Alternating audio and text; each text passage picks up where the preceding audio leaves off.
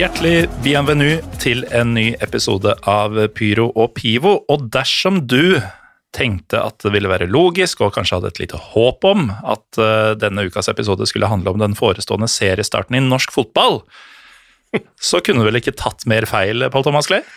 Nei, det blir litt kjedelig å snakke om uh, andredivisjon og, og Strømmen IF. Ja, eh, vi skal jo snakke om et lag som, eh, som kanskje befinner seg, om ikke i andre divisjon, så på andre nivå i sitt land om eh, ikke så altfor lenge. Det ser i hvert fall mørkt ut for eh, den sovende elefanten eh, fra en vinproduserende region i Frankrike. Men uh, først så må vi jo uh, ta en liten prat. Åssen går det? Jo, det, det, det går fint. Det, det lysner ute. Det er deilig med, med vår.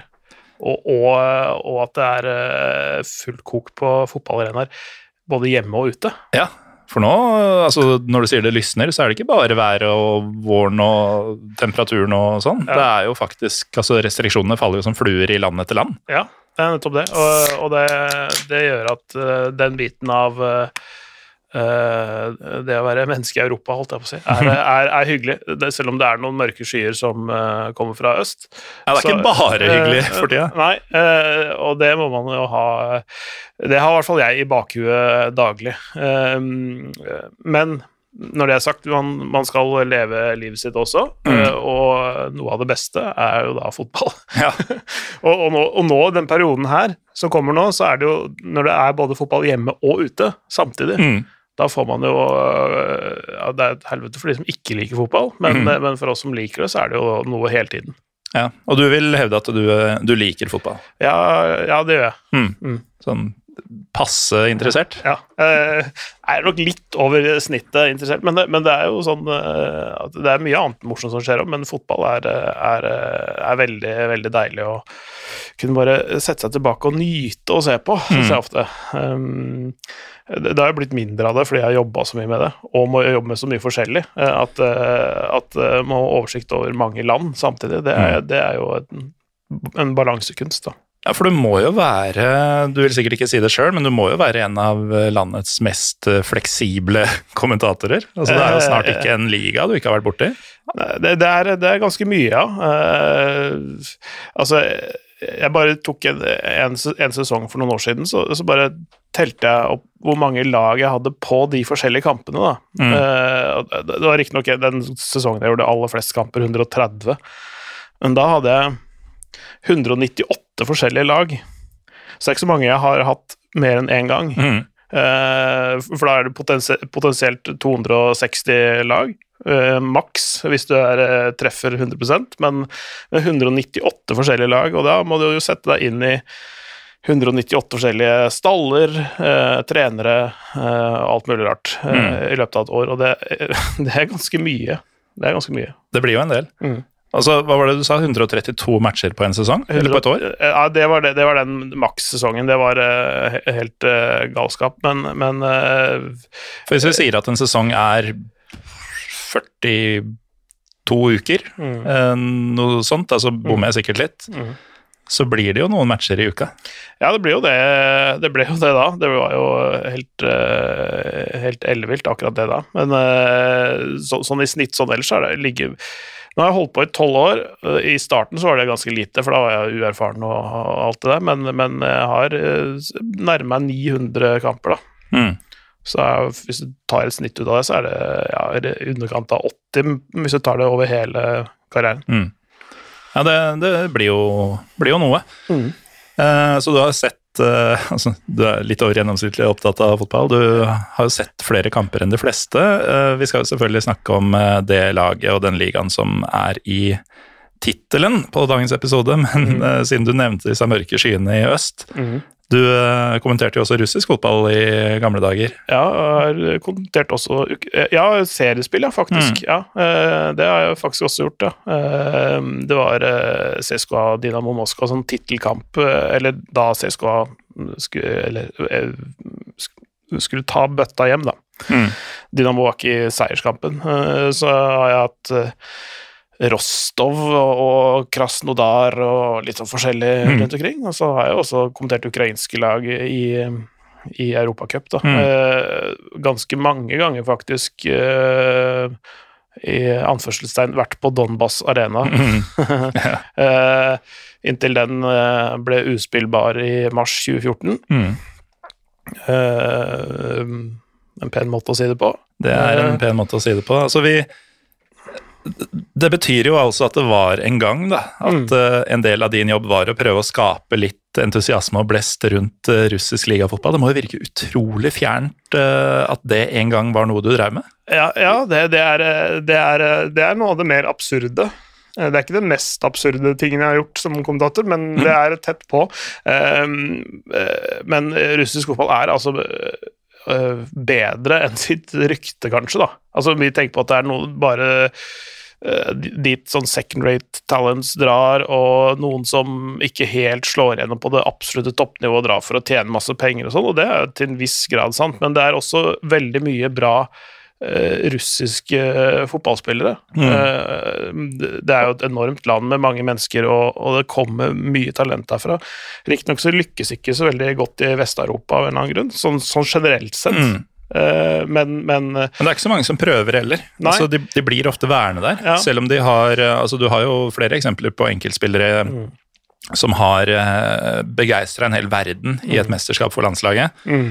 og tenker at oi, hvilken storklubb plukker opp han? Nei, jeg blir værende i Lokomotiv, jeg. Ja, og det, det, er, det, det er om de er hjemmekjære, eller om de altså, tjener akkurat nok penger til eh, at det ikke er så fristende å dra utenlands, eller hva det er. Det er sikkert sammensatt av mange ting. Eh, noen blir sikkert trua til å bli hjemme òg, men, eh, men eh, i i det hele tatt så er, så er nivået på fotballen her ganske bra, altså. Og, Mm. og TV-produksjonen, ikke minst, var helt, helt second to none, egentlig. Mm. Så, det, så, det, så det var nesten som å gjøre en vanlig kamp når du først sitter der og gjør den, da. Mm. Men, men utover det så er det, er det jo litt pussig å plutselig havne i Russland uh, og langt nede i Tatarstan. Altså Rubin Kazan, da. Mm. Uh, har jo også gjort det et par ganger i serien, i Ja. tillegg til mange europacupkamper. Nå minnet du meg akkurat på at vi har en episode med Jørgen Jalland fra ganske mange år tilbake, uh, som jo spilte i Rubin Kazan i Tatarstan. Eh, lurer på om det var episode 39, men søk på Byrå Pivo Russland eller Pyro Jørgen Jalland i din podkastspiller, så finner du episoden hvis du vil høre om åssen han hadde det der i en svunnen tid. Mm. lenge før både mars 2014 og tiden vi lever i nå. Ja. Hadde han eh, Kurban Berdiev som trener, forresten? Det hadde han vel kanskje, da? Det hører man sikkert hvis man eh, hører episoden. Ja, han, det er en karakter, Mm. men uh, morsomt. Ja, han har du snakka mye om når vi har tatt oss et beger eh, her og der. Mm. En av dine favorittfolk. Men eh, apropos dine favoritter. ehm, altså Du har kommentert veldig mye forskjellig fotball, men du har jo et par sånne hjerteligaer. Det, det må jeg ærlig innrømme. Og eh, dagens eh, jumbo i, ehm, i dagens liga Hva er det jeg prøver å si nå? Jumboen vi skal snakke om i dag, er jo i en av disse favorittligaene dine. Ja, det er helt riktig. Ja, Ja. Vi skal nemlig til Frankrike. ja, Ligue 1. Mm. Eh, og der er det jo et lag som egentlig ikke hører hjemme helt nederst på tabellen, som ligger helt nederst på tabellen, og vi skal jo prøve å forklare litt åssen de har havna der. Mm. Uh, blir lettere sagt enn gjort. Vi skulle gjerne hatt med en som liksom fulltidsfølger eh, denne ligaen, og gjerne holder med klubben. Om, Jeg, jeg har jo fulgt med på den ganske tett, selv om eh, et annet mediehus overtok rettighetene forrige sommer. Men, eh, så det, det er ikke det det står på, men, men Bordeaux har vært litt vanskelig å finne ut informasjon selv når jeg holder på med det, syns jeg. Mm. Um, altså, i, hvert fall, I hvert fall hvis du skal gå litt lenger tilbake, litt sånn, sånn, sånn pre-internett-tid, da. Mm. Da, eh, da, da er det vanskelig måte, å finne fram god informasjon. Eh, men, men de men det er, det- er et fascinerende lag, egentlig. En fascinerende, meget fascinerende by og region av Frankrike. Mm. Det må sies. Det, det er en er kjempeinteressant uh, område, og veldig fin by. Um, gammel by. Masse historie. Mm. Romerske bygninger og, og, og sånn mat og drikke er jo helt åpenbart eh, noe man eh, reiser dit for også. Ja, det er vel nesten lov å kalle det vinhovedstaden i Frankrike. Ja, nesten i, Da- verden, nesten i verden. Ja, Altså, For det er det jo automatisk da. Ja, uh, det, det er mange liksom store, fine regioner, og mange mener at det er bedre viner andre steder, men, men du får mange av liksom, de toppvinene, Mm. fordi det, det er lang kultur og tradisjon for det. og, og Uh, ja, nei, det er Frankrike er vel det tredje største vineksporterende landet i verden, og, og det er da hovedsetet i Frankrike. Mm. Og, så har det vært en naturlig utskipningshavn fordi det ligger ved Atlanterhavet. Ikke sant? Så, så det, er, det, ligger sentralt plassert med mm. tanke på verdenshandel. Så det er jo um, en by og et område som er kjent for mye annet enn fotball, og det lurer jeg på om kanskje er litt med på å vanskeliggjøre det å søke etter informasjon. Mm. Fordi søker du bare på Bordeaux, så er det jo veldig mye ikke-fotball som kommer. Da må du filtrere veldig mye ja. Eh, vindruer bort. Uh, og spise noen kaker og mm. mye skinke og geitost og sånne, sånne ting. Uh, da kommer du inn til en, en fotballklubb i et område som er egentlig mer opptatt av rugby. Mm. Det, for det, det, er litt av det som preger noe av det som vi skal snakke om videre også, er at det, det, det er kanskje ikke eh, den sterkeste fotballbyen da, i Frankrike, men et veldig fascinerende lag, mm. syns jeg. Ja, og vi skal også komme til at det, er heller ikke den svakeste fotballbyen i Frankrike, selv om det ser litt sånn ut akkurat nå. Men um, det ville jo vært nærliggende for oss, og vi snakka litt om det, at vi skulle unne oss en eh, chateau et eller annet fra, fra Bordeaux akkurat i dag. Men så har lytterne sikkert hørt et par pst-lyder ja. allerede. Ja, Jeg hadde tenkt at vi skulle få den første vinkorken til å poppe istedenfor en sånn øljekk mm. Eh, i Pyro Pivo, men det, det avsto vi da i dag. Ja, fordi jeg dessverre har noe litt sånn halvprofesjonelle greier etterpå, så, så da går det i alkoholfritt i dag. Ja. Um, vi, kjører, vi, spiller med åpne kort her i Ja, absolutt. I. Men uh, altså, historien vi skal fortelle, da, mm. uh, bare for å komme tilbake til, uh, til skjemaet, er jo da om Bordeaux' ganske spektakulære fall, som har skjedd på relativt kort tid. Ja. selv om det sikkert har brygga litt fram til det har gått ordentlig til helvete det siste drøye året. Mm. Um, men vi har jo Altså, det, det er jo utrolig mye informasjon som går oppå hverandre. Mm. Og litt sånn tidslinje Hvis man skulle lage en tidslinje her, så ville det blitt ganske grovt. Ja. Eh, for det er, det er, vanskelig å holde orden på hva som skjedde når og hvem er hvem og sånn. Ja, og, og det Altså, de, ehm, du, du, du, nevnte et fall de siste årene, men de, de, har hatt mange sånne fall, skjønner du. Det er det som er Det har vært et sånn derre øh, veldig sånn berg-og-dal-banelag. Så hvis du, har, hvis du, er gammel nok, og da er du nærmere 100, uh, og fulgt det helt siden starten mm. altså Det ble en uh, altså Selve foreningen er, sånn, har linjer tilbake til 1881, mm. men da som en sånn turnforening og litt sånn andre ting. Ja. fotball ble inkorporert på begynnelsen av 1900-tallet, til 1912, og så ble det en profesjonell fotballklubb på 1930-tallet. Um, uh, og har du fått med deg altså, Og de vant sin første tittel i 1941, ble de seriemester i det okkuperte Frankrike. Mm. Um, en tittel som vel ikke regnes med nei, den, i den profesjonelle æraen, og nei, det er ikke så rart. Nei, altså den, den, den står der, uh, og den henger jo ved i, i klubbhistorien, på en måte. Mm, mm. Uh, men, men det har vært mye sånn opp og ned Uh, hatt perioder med Eller flere perioder med økonomisk, økonomisk trøbbel, blitt uh, uh, forflytta ned, og de har rykket ned for egen maskin også av rent sportslige grunner. Og, um, og, de var lenge, lenge et nestenlag. De var i sju eller åtte cupfinaler før, mm. de, før de vant noe i det hele tatt. Den første cuptittelen de vant, var i Var det 1986 1986, skal vi se her eh, Ja, det, det, var jo denne i 1941, selvfølgelig, men 1986 vant de sin første liksom, ordentlige uh, Coupe de France-tittel. Mm. Uh, de slo uh, erkerival, uh, eller på den tiden i hvert fall, Olympique de Marseille, mm. to år på rad i cupfinalen. Uh, så de var lenge et nestenlag. Ja, eh, og det er pussig du nevner Marseille i den eh, settinga, fordi Bordeaux har også ni andreplasser i ligaen, mm. og det er bare Marseille som har flere, med mm. sine tolv. Mm. Så, så de, de, har de, og Marseille har mange, mange flere titler. ikke sant? Altså, Bordeaux har ikke så mange titler å snakke om. Det var, de hadde en gyllen periode på 80-tallet egentlig, uh, under Claude Bess, som vi skal komme litt nærmere inn på, uh, som, som, klubbpresident. Mm. Uh, to, tre serietitler, to cuptitler. Vi var med i Europa sju eller åtte år på rad. eh, og i det hele tatt en gullalder. Og, det, eh, men, og da etablerte det seg som et sånt jevnt topplag da, på det Mm. tidspunktet der. Mm. Og så har de vært i topp seks i så å si alle år, inntil for ja, sånn rundt regna ti år siden, pluss-minus. Og så har det liksom Da har liksom topp ti blitt en, en ok sesong. Mm. Eh, men nå, eh, de siste åra, så har det bare blitt enda blitt, Bare blitt verre og verre og verre.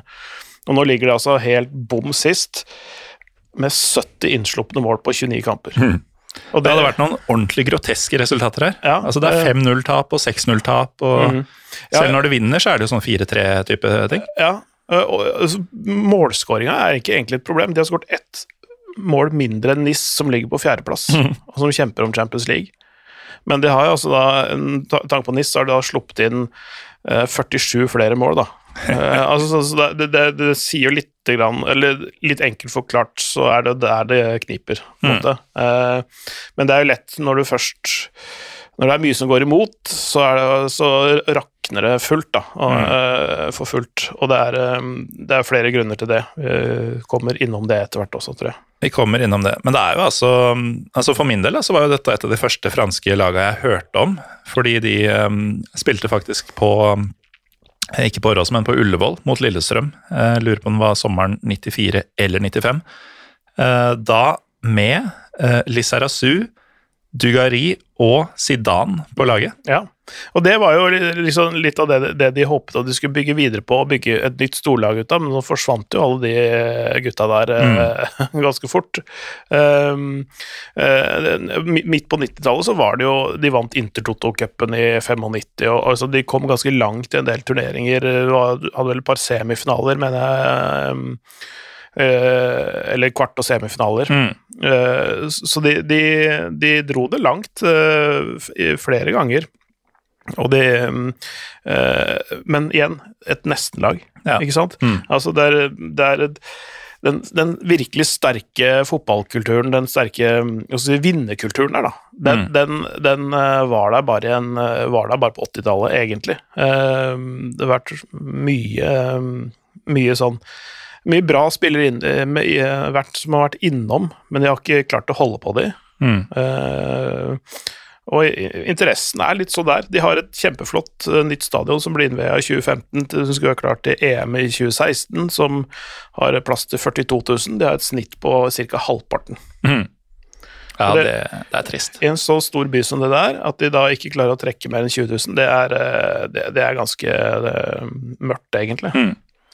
Men uh, før vi går inn på alt det mørke, så kan vi jo ta et par av de siste altså, eh, høydepunktene. Da. Og det er jo at eh, på 90-tallet, som du sier, selv om de ikke klarte å bygge noe på den gjengen jeg nevnte, så tok de jo et ligagull i 99. Eh, også med et ganske kult lag. Eh, da husker jeg at spissduoen var Sylvain Viltor, eh, som jo veldig mange ble kjent med i Arsenal årene etter. Litt sånn kule sveiser og Mm. høy hastighet og tidvis høy målproduksjon. Men også Lilia Lalande, eller Las Landes som det skrives, Ja, ja. som vel er hans rake motsetning. Ja, Dritsvær hvit mann med langt uflidd hår og han var ikke eksplosiv og liten, nei. Nei, virkelig ikke eksplosiv. Altså, jeg mener å huske på en CM-versjon. Eh, folk kjenner det i dag som FM, mm. men i gamle dager så var det Championship Manager som var navnet. Jeg mener at han hadde enten acceleration eller pace. Da hadde han to på en skala fra 1 til 20. Ja, det kan nok stemme. Så det er virkelig en duo som utfylte hverandre. Ja. Men jeg hadde jo en av Ja, og så det, det var, det var sånn big man, little man, eh, eh, som, som de liker å snakke om i England. Sånn target man og en fyr som løper rundt. Mm. De, de, hadde, de hadde jo et veldig bra lag, der med spesielt uh, Ulrich Ramé som keeper, var fantastisk Ja. god der i, i lengre tid. Um, så, så Sånn typisk tredjekeeper på landslaget-fyr. Mm. I en tid hvor du hadde Barthes og Bernard Lama og hva nå som nå fantes. De som husker eh, Ali Benarbia, altså, var en del av Mm. det laget der. eh, så, så, eh, Kiki Musampa, det hadde jeg glemt. Var Ja. der. Nå koser du deg, Ja, nå som ja. du sitter og ser på gamle Bordeaux-tropper. ja, ja. Nei, men, men det, det, var et, det var et bra lag, det, altså. Mm. Men, Så vant de da igjen eh, ti år seinere, i 2009, og året etter så fikk de en kvartfinale i Champions League. Mm. Uh, og du sa sånn pluss-minus ti år siden at uh, nedturen uh, begynte. Det er vel eh, Det var vel det siste moroa de fikk oppleve, omtrent. Ja, det vil jeg si. Og det, det, det siste ligagullet tok de med en annen spiss som seinere gikk til Arsenal også, Moran Shamak. Bare så det, de, Ja, ja. de som husker han. Han så litt tynn i hyssingen. Eh, han eh, Nei, det var et eh, Og um, Johan Gorkuff og sånn. Ja, det var den gjengen, ja. Mm. Gofran og Gorkuff på samme lag. Ja. Begge het Johan, var det ikke noe sånt? Ja, noe sånt, ja. Ja, fryktelig vanskelig. Ja, men Gorkuff, det, det, er så- det er en av de tristere historiene som jeg har på en måte levd med hele veien, egentlig, i, i, i fransk fotball. Det er mm, en av de som faktisk Kanskje den som har vært nærmest ved å ligne på Zidane etter Zidane sjøl. Faktisk. Eh, Han var ikke like bra, men, men mye av liksom, de samme faktene og mye av han var veldig, veldig bra. Eh, Det var en sånn overgangsrekord innad i Frankrike da han dro til Lyon. Eh, Men, men eh, fikk noen skader og, og ja, mentale utfordringer rundt det når han kom tilbake. Og det, det, Mm. det bare virkelig bare sånn klappa sammen den karrieren der etter hvert. Det var Ja. trist å se på, for det, han, han hadde, det var, var så lovende i starten, da. Mm. Uh, men eh, det gikk eh, åt skogen for han, dessverre. Ja, det var vel uh, på den tida hvor du uh, si, primært satt og kommenterte høydepunktene fra Champions League-kvelden, samme kveld som det skjedde. Jeg mener å huske ditt navn i hvert fall fra det der kavalkadene Ja, det var midt på 2010-tallet omtrent, det. Ja, Ja. Ja men det, det Mulig jeg bommer Mm. med noen år her, men det, det er liksom, forbinder liksom den tida med at uh, Gorkov skåra noen fete frisparkmål og så ut som Mm. det neste store, da. Mm. Uh, og så ja, gikk det jo sånn som du sier, uh, Mm. at det at det blei. Men eh, så er det jo da de siste åra som det virkelig har vært et spektakulært mageplask i, eh, Mm. i Gironde, Mm. som er regionen Bordeaux ligger i. Ja. Eh, hvor begynner vi når vi skal forklare det som foregår nå? Altså, de ligger nå eh, Desidert er kanskje å ta i, de har fem poeng opp til kvalikplassen, eh, men de er da sist i league A med i snakkende stund ni kamper igjen. Mm. Eh, greier jo ikke å forsvare seg, til tross for både det ene og det andre store navnet i troppen, i hvert fall. Ja. Men det er jo også en økonomisk ordentlig eh, møkkete situasjon her, så Ja, de, de, de, det er jo det som er situasjonen per nå, eh, er at de i fjor eh, Ikke per nå, men, eh, som er dette anisbrennevinet, ja, men Som får hvilken farge når du blander det med vann? sad farga. Ja, takk. Det blir ikke gammelt. det. Nei, det blir ikke det. Ehm, hvor, hvor var vi, holdt jeg på å si? Nei, eh, det, eh, Situasjonen per nå. Ja, i fjor, sesongen i fjor eh, så hadde de et tap på 40 millioner euro. Nå styrer de mot et sted mellom 40 og 60 millioner euro. Mm. De får ikke lov til å av det der overvåkningsorganet, franske overvåkningsorganet for finansielle forhold i, i fotball, da. Det er- som er noe som fins. ja, faktisk. Mm. Ja, eh, um, har en sånn firebokstavsforkortelse som jeg ikke husker akkurat nå. Nei, jeg scroller som en helt her nå, uten å finne i farta. De har, i hvert fall lagt bånd på de, så de ikke kan selge DNCG. Nei, kan- ja, de kan ikke kjøpe for mer enn de selger for, eh, og det de har, er ikke, de har ikke så stor salgsverdi. Så, så, det, så det, litt av problemet deres for å liksom komme seg opp av den hengemyra, er jo det at de har noen, noen navn som tjener veldig mye, eh, som ikke bidrar. Uh, ikke nødvendigvis fordi de ikke vil, men fordi de ikke evner, rett og slett. Det er ikke Mm. bra nok. Uh, og da kan de ikke hente inn erstattere, fordi de, de, de har ikke noe salgsverdi. Det er ingen som vil ha det, ikke sant. Og, og så da er det jo litt i sånn klemme, men det er en sånn det, det de gjør, er en sånn klassisk eh, egentlig Gerard Lopez-greie. Han som eier eller styrer klubben eh, Mm. gjennom eh, sitt eierskap der. Eh, Luxemburger. Spansk luxemburger. mm. Ja, sånn pussig blanding av de to. eh, som før stilt, styrte Lill, måtte gi seg der. De har veldig mange lånespillere med, med opsjon på kjøp, Mm. med håp om at noen av de funker, og at de får solgt unna uh, og frigjort lønnsmidler uh, ved noen avganger, da, som gjør at de kan uh, kjøpe noen av disse spillerne de har inne. De har Yasin Adli, som de, de, de, har hatt hos seg før. De, mm. Han har solgt til Milan, men lånt tilbake på sånn på direkten. Så han mm. er så formelt sett eid av AC Milan, så han er lånt tilbake. Dilrosun er inne fra Hertha Berlin. Unge Timothée Pembélé fra PSG. Giavogi, som uh, er franskmann, men som har vært noen år i Tyskland, er på lån fra mm. Wolfsburg. Altså, jo... To stykker fra Boa Vista, én fra Red Bull Salzburg, én fra Sjaktar Donetsk og én fra Malmö. Ja. Så de har ni lånespillere i stallen nå. Mm. Ja, og det er jo Altså, ser man på stallen og tenker seg ut en elver der, så er jo ikke dette Altså, dette er jo et sånn topp 11-12-lag eh, ja, i utgangspunktet? Eh, med, med, harmoni og en, eh, en, god trener og ikke så, en sånn mørke finansielle skyer over seg, så hadde dette vært et sånn øvre halvdel-lag, tenker jeg, da. Ja, ja for det, mm. det, ser jo ikke dårlig ut på papiret, men på et annet papir eller på, ja.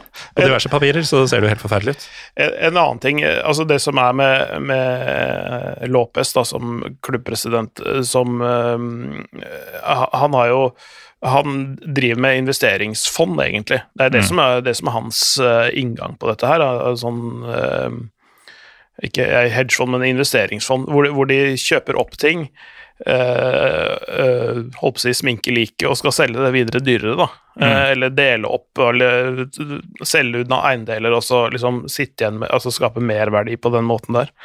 og litt av det de, de tok over i fjor sommer, Eh, fikk med seg eh, Jorge Campos sin ti, eh, tidligere høyrehånd, en ung mann som heter Admar Lopez, som også er portugiser. Luis Campos Luis sin Campos, tidligere ja. høyrehånd. Ja, ja. Hadde du hatt Jorge Campos sin sorry, tidligere høyrehånd, så hadde du forklart Campos, hele situasjonen. Ja, ja. Men det er nesten så skulle du tro at det var, var noen som ikke visste hva de drev med. Mm.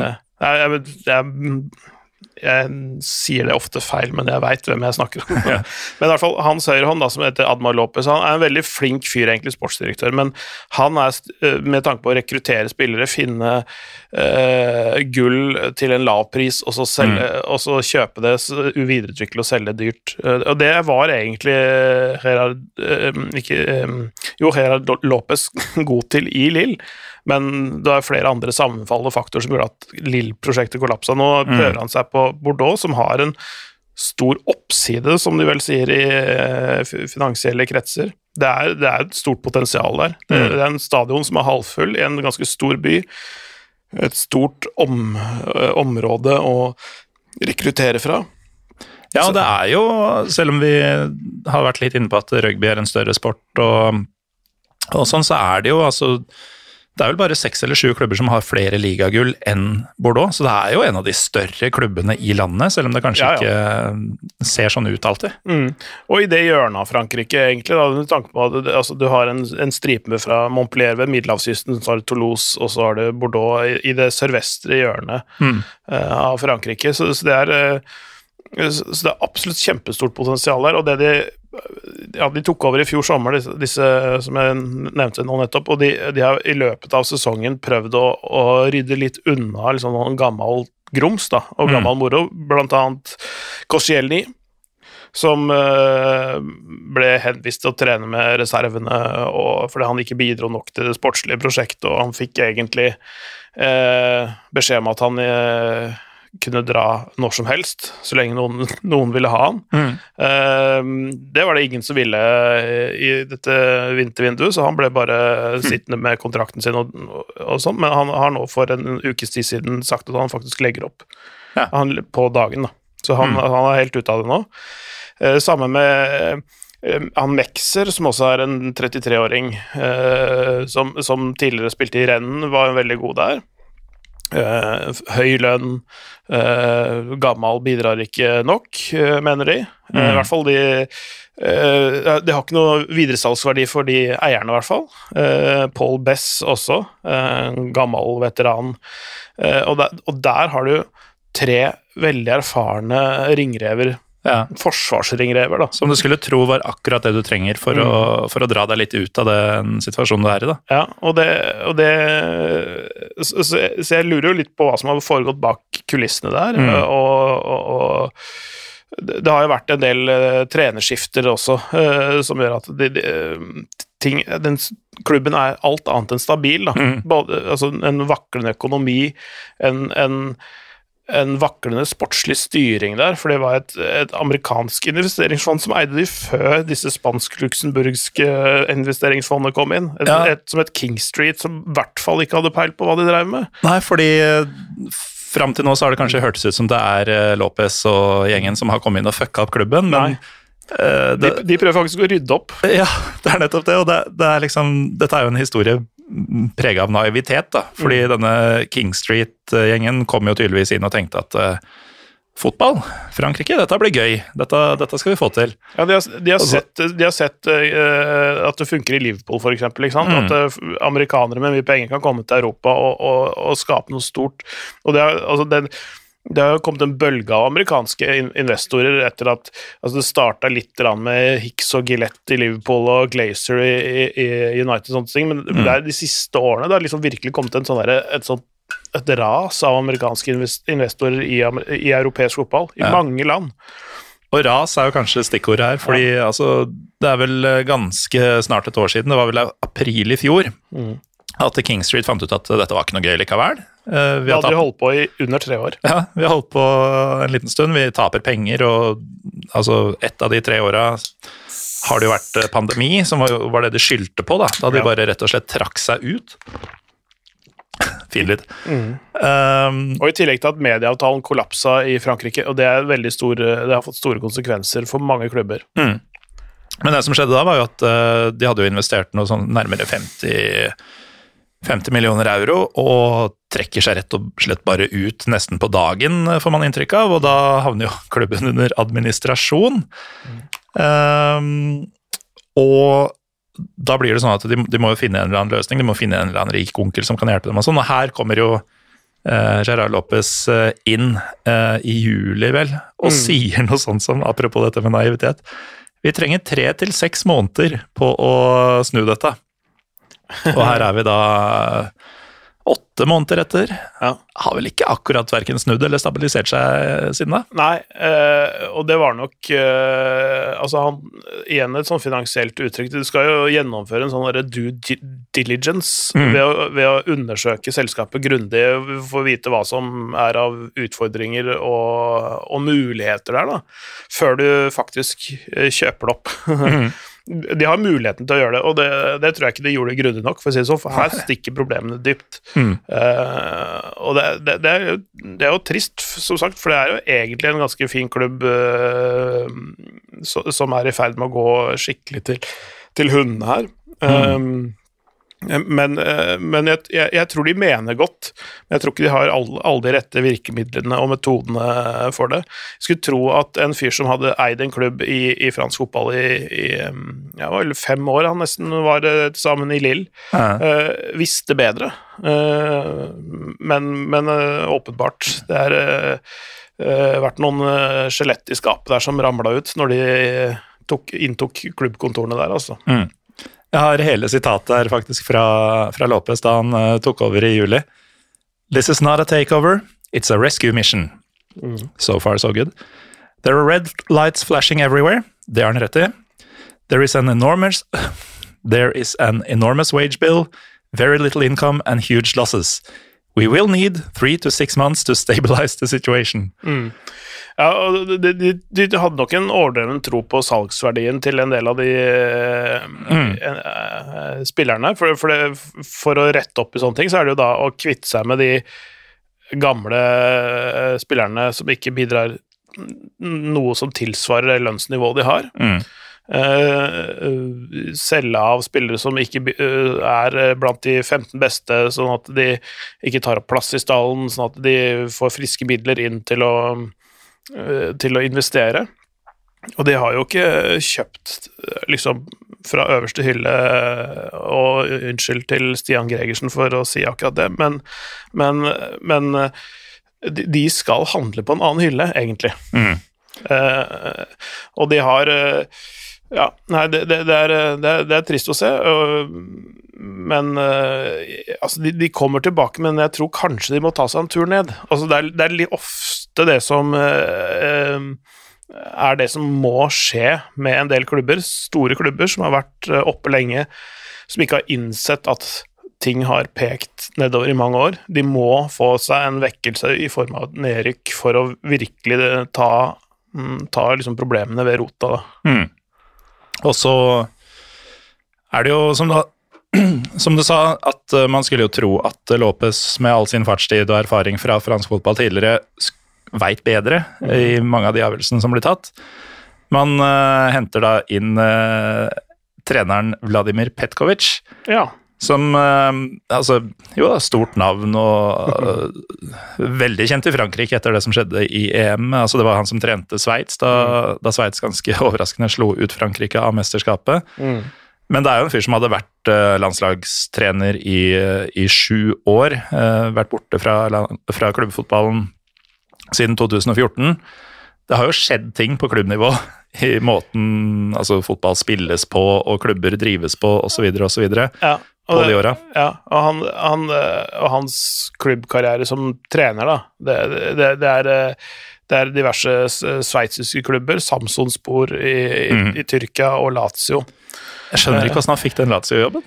Nei, det, det, kan du si. God agent, da. Ja. Eh, kanskje Lazio var desperate på det tidspunktet. Men, men, eh, men, han har jo fått en ganske sånn fyrstelig gasje òg. Han, han fikk jo fyken nå, nå i vinter, eh, og har, hadde to og et halvt år igjen av kontrakten, og sier da at han skal ha ti millioner euro Mm. Uh, Akkurat det Bordeaux trenger nå. Ja, altså Det er jo det som, det er det som uh, gjenstår i kontrakta hans. da. Han, han, hadde en sånn kontrakt som hadde en sånn stigende lønn gjennom treårsperioden.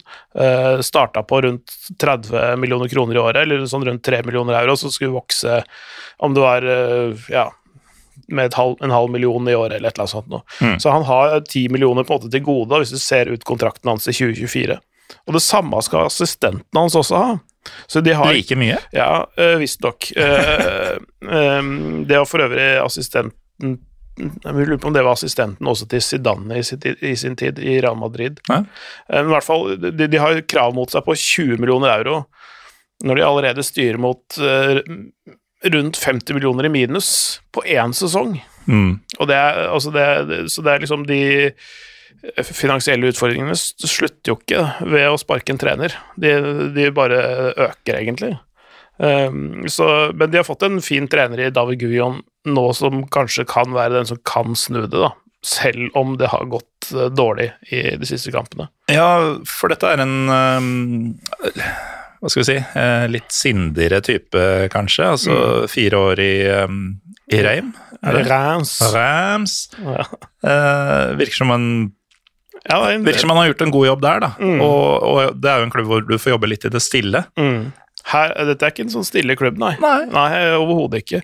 Uh, nei, det, så, så, det så jeg er litt overraska over at han, han sa nei til Sankt Etienne tidligere i år, men uh, Bordeaux, ja takk. Mm. Det er mulig det har noe med eierskap å gjøre, og det er litt langsiktige. Det er mulig han har en slags sånn god dialog med de om hva som må gjøres. Og han tror jeg heller ikke er, er, fremmed for å ta et steg ned og trene league død. Men, mm. men de har hatt, på de siste 10-11 åra, så har de hatt åtte trenere og hvis du ser på når de slutter, så er det veldig få av de som slutter i, uh, nei, ved sesongslutt. Mm. Det er ganske mange av de som slutter midt i sesong, og det betyr at de sparkes, og det betyr at de har hatt dårlige resultater. Ja. Uh, få gode sesonger da, siden 2009, seieren i ligaen, da Laurent Blanc trente de. Det, det starta egentlig sånn sportslig og liksom smuldret litt opp allerede under Shanti Ghana som overtok. Uh, og så har det vært uh, ja mm, varierende grad av uh, sportslig hell siden. ja. dårlig styring Det vi, det vi snakka om med det gamle King Street-greiene, det var når Gustavo Poyet var trener der. bare et drøyt halvår, fra januar 2018 til september 2018. Han litt av det som gjorde at det skjærte seg der. Han ble henta inn fordi Gorvenek fikk sparken i januar 2018, og han var i ferd med å liksom, måte, kanskje få litt grann, noe av, noe av liksom, de, ja, litt god stemning tilbake i laget og sånne ting, men så solgte de Gaitan Laborde til Montpellier, Mm. som er eh, erkerivalen. Altså de på den andre siden av Garonne-derbyet, som de kaller det. Altså den elven som går mellom disse to byene, blant annet. Ja, for det, det er de to hovedrivalene er Ja. Toulouse og Montpellier, altså klubbene du nevnte tidligere. Ja. Uh, ja. Mm. Eh, altså, eh, så, så Toulouse ligger midt imellom de Montpellier og, og, Ja. og Bordeaux. Um, altså, Gust, Gustavo Poet visste ikke om at de solgte engang. Han ble ikke spurt om det. Dette var den beste spilleren deres. ikke sant? Mm. Han gjorde det fantastisk i Montpellier, og nå gjør han det veldig bra i renn også. Så, så det er så det starta der, og da, da gikk jo det ble det fullstendig sammenbrudd mellom trener og, og, og klubb der, og da måtte de en drøy måned inn i sesongen finne seg en ny trener, Paulo Sosa, som Mm. utgangspunktet er, kunne vært noe, men altså han har jo lite utover det, den perioden i Fiorentina å skryte av, egentlig, i trenerkarrieren sin, selv om han har vært enke, mange steder.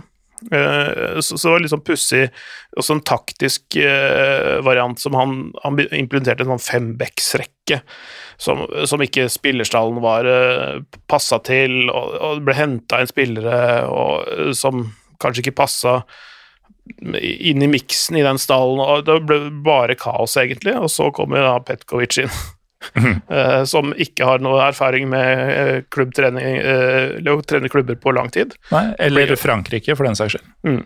Så, så, så det er bare rot, ikke sant? Mm.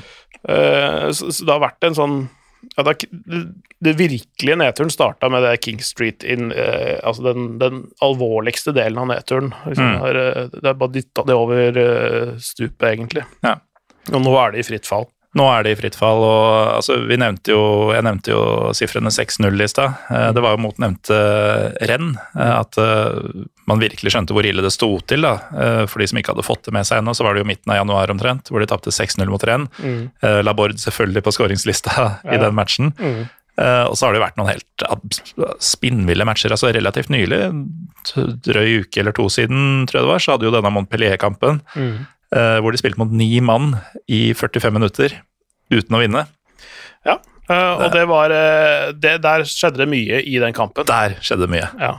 Uh, en ting er å tape, tape og, osv., men, men allerede ved pause så ble det pepet av banen, Mm. og uh, keeper Benoit Costil i vill krangel og slåsskamp med uh, ingen hvem som helst, men sjefen for Ultramarins eh, 87, mm. som er da store ultragruppen i, i, i, på tribunen da, i Bordeaux. Eh, og det var eh, mange ord som fløy fram og tilbake. Det måtte jo holdes litt fra hverandre også. Ja, Vaktene måtte jo hindre supportere i å gå på Costil, og Ja. han står og applauderer sarkastisk tilbake. og Ja, og, og, og litt og, og, det, Det er en fyr som har nesten 150 kamper for klubben. Ja, og, vært i en del av landslaget i en lengre periode, og, og har blitt vel sånn uoffisielt kåra til den kjekkeste keeperen i verden, tror jeg. Eh, noe sånn- Av deg? Nei, nei, nei. Eh, Ikke av meg, nei. Så, sånne rangeringer driver ikke jeg med. Det er Vanskelig å slå Jan Sommer, tenker jeg. Ja. Eh, Oliver Kahn. Eh, eh, nei, men eh, eh, det, det, som, det som var at Det er jo mye frustrasjon opp på, på mange nivåer ikke sant, i klubben med alt det vi snakker om, og noe av det er jo med, med rettes mot spillerne eh, med rette. Altså, de har jo ikke prestert. Mm. Um, Costil tjener jo bra, han også, så han er definitivt en av de som bør ta litt ekstra ansvar, som kaptein også. Uh, så, så skal de jo gjøre det. Uh, men Og han har fått støtte i garderoben og liksom fått støtte av spillertroppen og alt sånn, men så slipper jo dette Ultramarins uh, ser, De er nødt til å slippe en uh, pressemelding uh, hvor de beskylder Benoit Costil og egentlig Laurent Koscielny for rasisme. Mm. Eh, hvor de har det fra en, eh, en tidligere ansatt i klubben, eh, bekreftet av to andre uavhengige kilder som faktisk jobber der fortsatt. Eh, skriver de sjøl, da. Eh, eh, og, og, og den informasjonen har de sittet på, men de har ikke offentliggjort den. Mm. Men de gjør det underveis i denne første omgangen, i denne kampen. Ja. Og da sprer jo sinnet seg. Altså sånn, altså det var liksom dråpen som fikk begeret til å flyte over, og, og de bortimot liksom gikk til angrep på Benoit Costil der, da, på vei inn til pause. Ja, og Costil sa jo da visstnok til flere lagkamerater og, og ansatte i klubben eh, den kvelden at uh, jeg, eh, jeg, er ferdig her. Altså, jeg kommer ikke til å avslutte denne sesongen i denne klubben. Mm. Uh, som han sier utafor overgangsvinduet, for, ja. for øvrig. Eh, så det går jo ikke. Da må du jo legge opp i så fall. Eller gå til Norge. Ja, sant.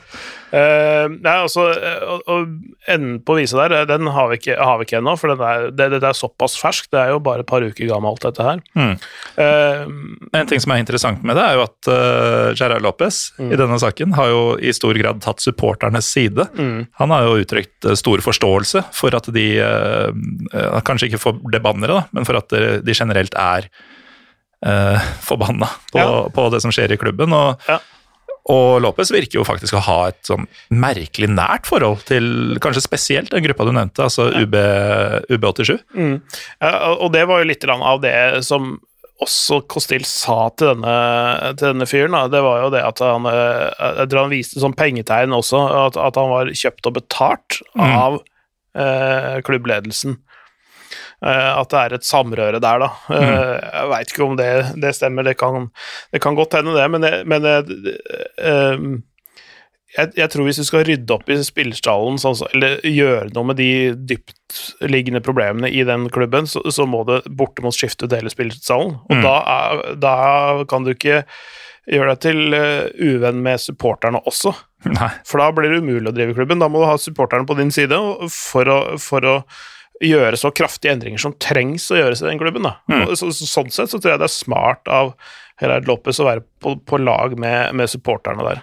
Antagelig. Og um, altså, han har jo kommet inn med gode intensjoner og kanskje en slags plan, som, mm. som tydeligvis ikke har funka. Men, mm. men, de har jo ikke noen andre alternativer heller enn å, enn å, håpe at han fyren her kan få det til. For det er jo ikke sånn at de står jo ikke i kø for å overta eh, pengesterke folk rundt omkring. Nei, eh, og i hvert fall ikke et sånt der, eh, åpent hull som, som de bare pælmer penger nedi, og det mm. ikke kommer noe opp.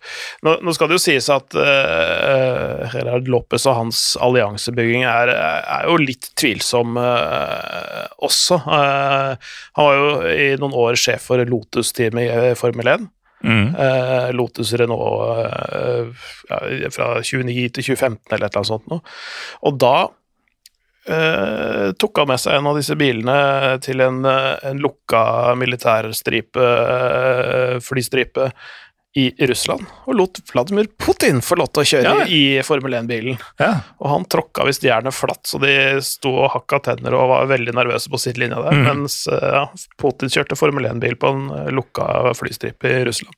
Så, så, så, det er jo hans uh, alliansebygging. De har henta inn um, en fyr som fikk sparken i, i Lyon, Marcelo. Mm. Uh, Marcelo sjøl Midtstopperen? Midtstopperen, ja.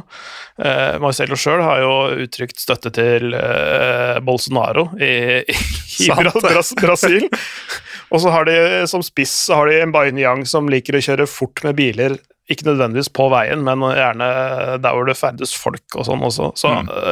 og vært med i flere trafikkulykker og sånn. Så det, det, det er en del elementer i klubben som helst ikke bør være der, hvis du skal skape ro og harmoni og sånne ting. Mm. Um, og når han sjøl driver med litt sånn tvilsom alliansebygging, så, så veit jeg ikke om dette er medisin egentlig for Bordeaux sånn uh, uh, uh, på lang sikt, da. Altså, jo mer vi prater om dette, jo mer fortjent virker den situasjonen å være, med tanke på hva slags ræl de har raska sammen mm. av altså, folk ja. på menneskelig nivå. Mm. De, de har de, eh, det, det, er to sider her, da. De, de henta inn eh, Danilo eh, Inatenko fra Sjaktar Donetsk mm. i, i vintervinduet. Um, dette var før krigen starta, uh, men han um, hadde da familie og barn og sånn hjemme i Ukraina, og da, da fikk de henta de ut. Uh, og Lopez sendte privatflyet sitt sånn at de kunne fly de til uh, Bordeaux. Mm. Så han, han har sine, sine, sider, på en måte. Uh, gjør noen ting riktig, men ikke alt. Mm. dette er med Putin for ti år siden. Det kunne sikkert ganske mange ha gjort, tenker jeg. Eh, det er litt vanskeligere å gjøre det i dag, eh, av flere grunner. Men, eh, men jeg, jeg, tror jo at han, han er han tenker ikke så veldig langsiktig. Han tenker først og fremst på bunnlinja, altså som, jeg, som, jeg, sier, som, invest, som, som investor på den, det nivået han er. Så, så handler det om å å snu en, en, et, et, dårlig firma til noe, til noe bra noe, og så selge det igjen. Mm. Jeg tror ikke han er der for å liksom bli gammel i klubben. Nei. Um, uh, det, snak, det, handler om å tjene penger. Det er en fyr som har tjent mange milliarder kroner. Uh, han begynte å tjene milliarder allerede i 20-årene. Ja, for han, er jo ikke, han har ikke fylt 50 ennå, så vidt jeg vet. Nei, han er bare noen og 40. Ja. Uh, og han har en av verdens største bilsamlinger, og liksom, ja, dette privatflyet som han henter familien til Inatenko med, mm. og, og så, så han, han, har masse penger, og, uh, men han bruker jo ikke sine egne penger i dette her. Så det er jo, det er jo investeringsmidler, eller så, så et fond, da, som han har skilt ut så det ikke går på hans personlige formue, på en måte. Mm. Så, ja. Men det er jo en klubb som Altså de har havna der de har, eh, og vi har forsøkt å forklare litt hvorfor og hvordan det har skjedd, men det er jo også en historie om sånn hva kunne ha vært. Mm. For eh, altså, de har jo, selv om vi ikke er imponert over utforminga, så har de et flunka nytt stadion. Mm. Um, de har vært veldig mye i Europa også, i en del av de åra som det ikke har gått så bra nå. Altså, det har vært noe mm. Europaliga uh, relativt ofte. og det er ikke så lenge siden de hadde både Joel Condé og Chouameni. Mm. Eh, kanskje to av de heiteste franske spillerne som fins akkurat nå. Ja. Um, og så sitter du her i stedet, mm. omtrent klar for nedrykk. Altså de, de, livslinja de har her, er jo at de har vel igjen en del kamper mot nedrykksrivaler, mm. men når de ikke slår Montpellier med ni mann engang, ja. så er det jo ikke mye som tyder på at, skal, at, de skal ta seg ordentlig sammen de siste ni matchene her og, og berge seg. Nei, det, det er nettopp det. Altså, altså det, det, eneste er at Uh, med tanke på det kaoset som var etter den forrige kampen, så har faktisk også klubbansatte fått forbud mot å snakke med spillerne. Mm. Uh, det, det, kan jo være, kan jo være en god ting, faktisk, hvis du, hvis, du, hvis du, velger å ta på oss de veldig positive brillene. At du på en måte nesten isolerer spillertroppen litt, for at ikke det skal komme lekkasjer ut. Uh, og, og, at, uh, og at de kanskje kan skape en sånn, kall det en sånn stammeidentitet. da, der Det er oss mot resten. Mm. Det, det, kan være det som redder de akkurat denne sesongen. Eh, fordi spillerne er det, selv om de Vi snakka om de som har måte blitt eh, skyfla ut, eh, er én ting, så, så, er det, så er det bra nok spillere der til å holde seg, tror jeg. Uh, de, de, må jo da stenge igjen døra bak. Offensivt så har de jo eh, massevis av bra spillere. Um, og kanskje den beste, en vi ikke har snakka om, er en uh, Wii-Yo Wang fra Sør-Korea. Han har vært mm. veldig bra. Um, utgangspunktet henta han var vel egentlig spiss når han ble henta fra jeg tror han ble fra Japan, faktisk. Eh, ikke spesielt ung heller, men, han ble brukt veldig mye på kanten i starten. Eh, men, men, er egentlig en spiss, og han har skåret mye. Eh, en av de få som på en måte eh, presterer eh, der, da. Mm. Og e-, ellers eh, mye, mye bra, bra, spillere, og hvis de klarer å liksom samle liksom, ta samling i bånn nå, bokstavelig talt, på tabellen. Og så er ikke det mulig at de eh, kan klatre på tabellen. Messe er fryktelig dårlig, de også. Mm. Eh, Tapte sjøl 6-1 sist mot uh, renn, var det vel. Uh, Sankt Etienne er kanskje litt, uh, litt verre med, men Clermont og Lorient som ligger foran der òg. Det, det, det, er ikke så mange Det er seks poeng opp til uh, ganske trygg grunn. Sju, hvis du tar med Troa også, på 15.-plass. Mm. Så, så, så sju poeng er ikke så mye i en, en sånn, sånn sluttspurt som dette her. Syr du sammen tre-fire seire der, så er de ute av gjørma, ikke sant? Jo, men åssen skal disse sy sammen tre-fire seire på sju kamper? Jo, Eller på, på, ni kamper er det faktisk. Ja, nå har de tre tap på rad, men altså, mm. nettopp det at de kanskje klarer at det går en faen i det, da. Uh, nå har de tapt tre på rad, det var det, alt det bråket rundt den forrige kampen. Nå har de kommet den pausen kanskje på et veldig, den landslagspausen opp på et veldig gunstig tidspunkt. Mm. Og så kan de slå tilbake. Det, det er eh, fullt mulig, tenker jeg, da. Men uh, ja, om David Guion som trener klarer å, å, å, riste litt i de, så ja, det tror jeg det blir spennende. Jeg tror ikke, tror ikke det er Det er ikke over ennå, i hvert fall. Mm. Men, men, de har en tøff, tøff kamp nå på lørdag, borte mot, mot Lill. Mm. Det er ikke noe enkeltsted å dra, selv om Lill har vært så der. De har vært så der, men de, de kjemper jo med nebb og klør om å holde seg i Europa. Mm. Og um, ja, det, har jo ikke de taper jo ikke kamper uh, i noe særlig grad. Nei, de, de, de, gjør ikke det, men det er mulig å hente poeng der, da. Mm. Uh, og og de, Lille kan være gode borte mot storlag, men de kan tape hjemme mot veldig mye dårligere lag. Mm. Så, så, så, og det er såpass jevnt i, i ligaen at det det at det, det, ene er et topplag og det andre er et bunnlag, trenger ikke nødvendigvis å ha så mye å si. Det er ikke så lett å Skillet er ikke så skarpt i ligaen sånn som det er i ganske mange andre mm. serier, hvor avstanden mellom topp og bunn er sånn rent sportslig og fysisk sett veldig stor. da. Men det høres jo litt sånn ut eh, Nå har vi nevnt Renn i et par bisetninger her, mm. Eh, og de har skåra seks mål mot de to dårligste lagene på tabellen. Mm. Eh, Mestskårende i ligaen. Nå er det ikke dem det handler om her, men som litt sånn ligaofil, mm. hvor forelska er du i det Renn-laget denne sesongen? Ja, det er kjempegøy. Eh, og det er en sånn forbløffende evne til å liksom bare fylle på med spillere når du liksom eh, Altså og Maier som på en måte kom inn og har vært en helt sånn en litt sånn eh, hva skal jeg si fattigmannsluka Modric, da. Mm. Ve veldig god. Sånn, eh, sånn, fantastisk morsomt å se på. Masse eh, Hva skal jeg si pågangsmot, energi. Eh, de spiller eh, fin fotball. Eh, Bruno Genesio som trener? Ja, ja litt. Og det, det overrasker meg litt, for jeg syns han spilte gørrkjedelig fotball i Lyon når han var trener der. Men, men han har fått, virkelig fått det til i renn med masse masse forskjellige egenskaper i laget. Eh, du kan sjonglere med mange forskjellige typer spillere, altså Gaitan Laborde og Treer og Girassi som spisser, da. Helt vidt forskjellige, men likevel eh, du kan sjonglere litt på de, rullere litt på de. Uh, kanter som Sulemana og Doku og offensive midtbanespillere som Flavianté og Benjamin Borichot Eh, Lover Maier som litt mer sånn, spill, eh, sånn, mer sånn playmaker, uh, Baptist Santa Maria. Det er mange, mange gode spillere. Gode stoppere òg. Naif Agaid, som er eh, Marokko-stopper, landslagsstopper for Marokko. Mm.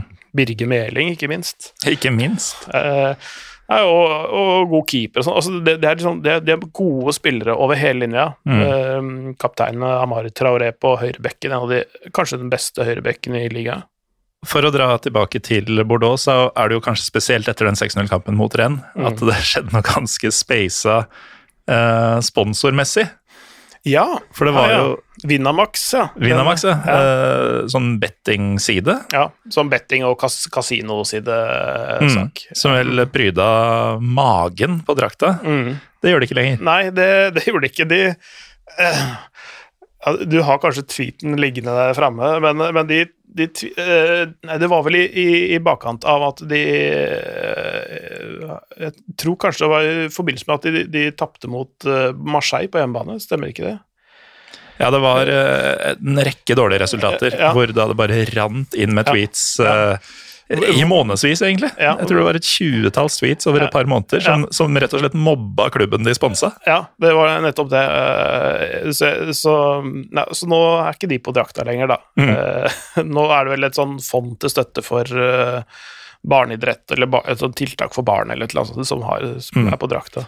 Så de, de blir mobba av sin egen sponsor òg. Ja, da er det sunket dypt som klubb, altså. Ja, og som Bordeaux, Bordeaux, da sa da de uh, sa opp den avtalen. Uh, vi har humor, men uh, dette er ikke humor i partnerskapets ånd, eller noe sånt. Mm. Um, ja, det er ikke Det er ikke, det er, ikke, det er enkelt du, du, kan tåle mye dritt fra, fra folk du uh, kjenner, men det er et eller annet sted når, liksom, når det er fra din egen familie, f.eks., så, så blir det litt verre. Ja, det er nettopp det. Um, avslutningsvis, uh, Pål Thomas, uh, så skal jeg gjøre deg litt uh, misunnelig. Mm. For et par timer siden så kjøpte jeg et par billetter til et arrangement. Mm. De er rett og slett til eh, første påskedagskampen mellom Lyon og dette Bordeaux-laget. Oi, oi, oi. Jeg skal se denne gjengen live om eh, to og en halv uke. Ja. Eh, Et Lyon-lag som er den dårligste på, på mange år, sånn rent tabellmessig, men veldig mange gode spillere. Også Park OL skal Ja. jeg oppleve. Ja, det ble gøy, og fansen ikke minst. Den er, Mm. den er veldig, veldig bra. Eh, mange gode spill i Lyon, altså. Jeg syns det er trist at de ligger der de gjør, fordi, og de er egentlig bedre enn der de ligger òg. Altså, de ligger klink midt på tabellen, Mm. eh, for de som lurer tiendeplass akkurat nå. 42 poeng. Det er ba, altså, i utgangspunktet bare 10 poeng bak eh, Champions League-plass, da, som Renn ligger på. Mm. Eller Champions League playoff-plass. Eh, så, så det, og det Både de, eh, Lille og Monaco ligger utafor europacupplasser. Mm. Uh, og der kommer det til å skje litt endringer. I hvert fall Strasbourg kommer til å dette ut, tror jeg. Selv om de har uh, Julian Stefan og, og Strasbourg spiller bra, og sånn, så, så tror jeg de, disse gode lagene, Lille, Monaco og Lyon, i hvert fall kommer til å være høyere på tabellen enn der de ligger nå. Mm. Så det blir en kul kamp, tror jeg. Det blir en kul kamp. Um, nå er, er Peter, Peter Boss kanskje på vei ut da, til sommeren. Håper jeg rekker han eh, før han ryker, det. Ja, Blir det Niko Kovac etterpå, så Jeg skal også på Nå har jeg ikke billettsalget åpna for allmennheten der ennå, men jeg skal også på Sandhet igjen mot uh, Brest, tror jeg det er. Mm. Dag- du, dagen- får, dagen før. du, du får rett og slett den som på TV blir ass breast. Jeg får ass breast. Mm. Uh, forhåpentligvis i dobbel forstand, si. Mm. Det er lørdag kveld. Eh, nei, så det ser jeg fram til. Skal rett og slett tette noen høl i, um, i fotballhopperlista mi. Jeg skal se kamper både i Italia og, og Frankrike uh, i, i påsken. Og så blir det jo fort noe mat også når man tilbringer et par netter i, i Lyon. Ja, jeg tror du skal gå ut i Lyon, ikke Sankt Etienne. Mm. Ja, Sankt Etienne blir uh, tur etter kampen. Mm. Men det blir også to av de kuleste fankulturene i hele Frankrike på hjemmebane på to Ja. dager. Det er, det er rått. Uh, Og det kunne man ikke sagt om Bordeaux. nei, nå, eh, nei, definitivt ikke. Og det, og det, er- det stemninga er Selv om jeg har sagt at det har vært halvfullt der, så høres det ut som det er er, Færre? jeg, ja, nest, jeg hadde tenkt jeg skulle si noe, og det er kanskje Jeg, jeg, er, blant venner her, så sier det høres litt ut som Molde stadion. Oi, oi, oi. Eh, eller Aker stadion, eller hva det heter for noe nå. Eh, men i hvert fall eh, det er, Selv om det er folk der, så er det helt knust, liksom. Eller det er liksom eh, Noen ganger så er det disse ultrasene som gir lyd fra seg, men det er liksom sånn utover det så er det ingenting. I Sankt Mm. Etienne to fulle kortsider som Ja. synger mot hverandre. Det er vel plass til sånn 8000-9000 på hver av dem, tror jeg. Mm. Og drøyt 40 000 på stadion. Mm. Eh, kjempefint. Det er et museum der også, eh, så det, må- det, hvis du rekker å stikke innom der, så må, Ja. du, så må, du hilse en av de siste One Club-menn, uh, Loic Perrin. Mm. Han eh, en stopper Er det han det finnes to av? Det er ja, det, det, er- det er godt mulig, men uh, i hvert fall han har vært eh, han, Det finnes bare én Loic Perrin i mm. Sankt Saint-Étienne. Han um, kaptein Ikke noe sånn veldig høy, høyvokst uh, fyr, men han avslutta karrieren med å spille Var det ligacupfinalen eller cupfinalen han spilte mot PSG den der covid-sommeren i 2020? Mm. hvor han nesten brakk ankelen til Mbappé. Fikk rødt kort i starten av kampen og gikk ut. Mhm. Så, men, men han er en veldig en stor klubblegende, så hvis du snakker positivt om Loic Perrin mens du er i Sankt Etienne, så, så får du venner. ja, Og så ikke gjøre det mens jeg er i Lyon. Ja. Da, da blir det bra. Ikke ha på deg noe grønt når du drar på Park OL. Nei. Uh, jeg eier veldig lite grønt, men eh, Ja. uh, nå er jo den uh, ass-kampen dagen før, så det kan jo hende at jeg tar med meg et skjerf, eller noe sånt, men det blir jo da ikke med inn på stadion i Lyon. For jeg er jo ikke Jeg er kanskje tulling, men jeg er ikke idiot. Nei. Eller omvendt. Uh, uansett, eh, føler du at vi har fått uh, litt klarhet i kaoset i uh, Bordeaux? Nei, jeg føler men, Det er nesten verre nå. Ja, men det er nettopp det som er med den klubben der. Det er, altså, det er, situasjonen er så kaotisk at det er vanskelig å få oversikt over den, og, Mm. og, og det er rett og slett så kaotisk der at eh, Og det er Man har ikke funnet veien ut av det ennå. Så vi får eh, Når du starter en ny podkastserie om klubber som reiste seg fra asken, mm. så tror jeg vi kan ta Bordeaux om noen år. Ja. Men eh, denne sesongen blir det Erik? Ja, ja. Det ser jo sånn ut nå, Mm. det er, men det er lett å liksom bare ta øyeblikksbildet, titte på tabellen. De har tapt de tre siste, slippet masse. Men, Men går du to måneder tilbake i tid, så lå de på 19.-plass. Ja. Nå er de på 20. men de var, de var også sånn og vaka sånn inn og ut av nedrykkssonen for to måneder siden. Mm. Eh, Så, sånn at det, var, det er ikke Sånn sett er det jo verre nå. Ja, det, det er verre nå, men, men igjen, det kan at de treff, får sånn trampolineeffekt da, når de treffer bånd. Mm. Ja, kanskje. Kanskje. Eh, uansett, uh, Paul Thomas Clay uh, via Play, via Sport, ved Sport eh, Via plattformen, liker jeg å si. Kommentator. Eh, Kjært barn har mange navn. ja, eh, mange navnebytter, i hvert fall. Eh, takk for at du var med. Eh, beklager at, eh, at jeg ikke kunne by på litt eh, Chateau men eh, Du får kjøpe noe fra Frankrike når du har vært der. ja. Og så kan det hende at vi møtes igjen og tar igjen det tapte. Ja, det, det syns jeg vi må gjøre nå. Eh, takk til deg i hvert fall. Takk til deg som hører på.